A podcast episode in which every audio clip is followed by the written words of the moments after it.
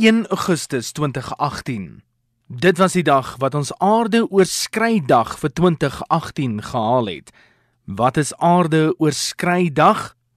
Dit is die dag waar die bevolking van die wêreld reeds een aardbol se natuurlike hulpbronne vir 2018 gebruik het. Dus het ekologiese skulddag op 2 Augustus hierdie jaar begin.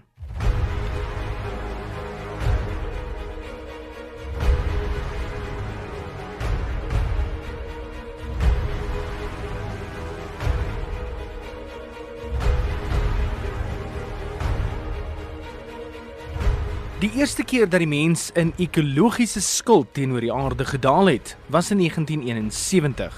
Dit was toe die mensdom op 21 Desember reeds een aardbol se hulpbronne verbruik het. Eenvoudig geplaas, gebruik die mens meer ekologiese hulpbronne en dienste as wat die natuur kan vervang in 'n jaar. Dit sluit in die visserybedryf, die ooroesting van woude en die feit dat die mens meer koolstofdioksied vrystel as wat die ekostelsel kan absorbeer. Dit beteken dat die planeet nou omtrent 'n jaar en 'n half neem om die hulpbronne wat uitgeput is vir die jaar te vervang. Op die stadium verbruik die mens om en by 1,7 aardes in 12 maande, wat beduidend kommerwekkend is. Vingers word veral na Australië en Amerika gewys met Suid-Korea nie ver agter hulle in die derde plek nie. Indien die wêreld soos Australië hulpbronne verbruik, sal daar 5,2 aardes per jaar nodig wees. Die VSA is nie ver agter nie en hulle staan op 5. Suid-Korea staan op 3,4 gelyk met Rusland, terwyl Duitsland die 5de plek beklee met 3,2 aardes per jaar.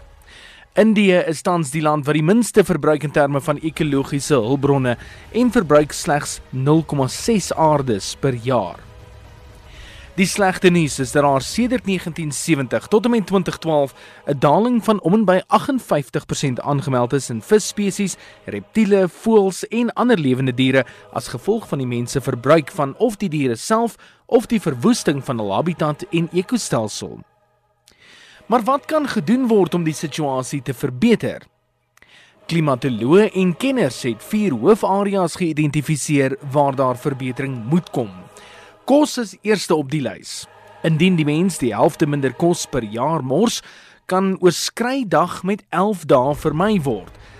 6 dae kan bygevoeg word by die vermydatum indien die mens 50% minder vleis eet. So klink hy vleislose maandag vir jou.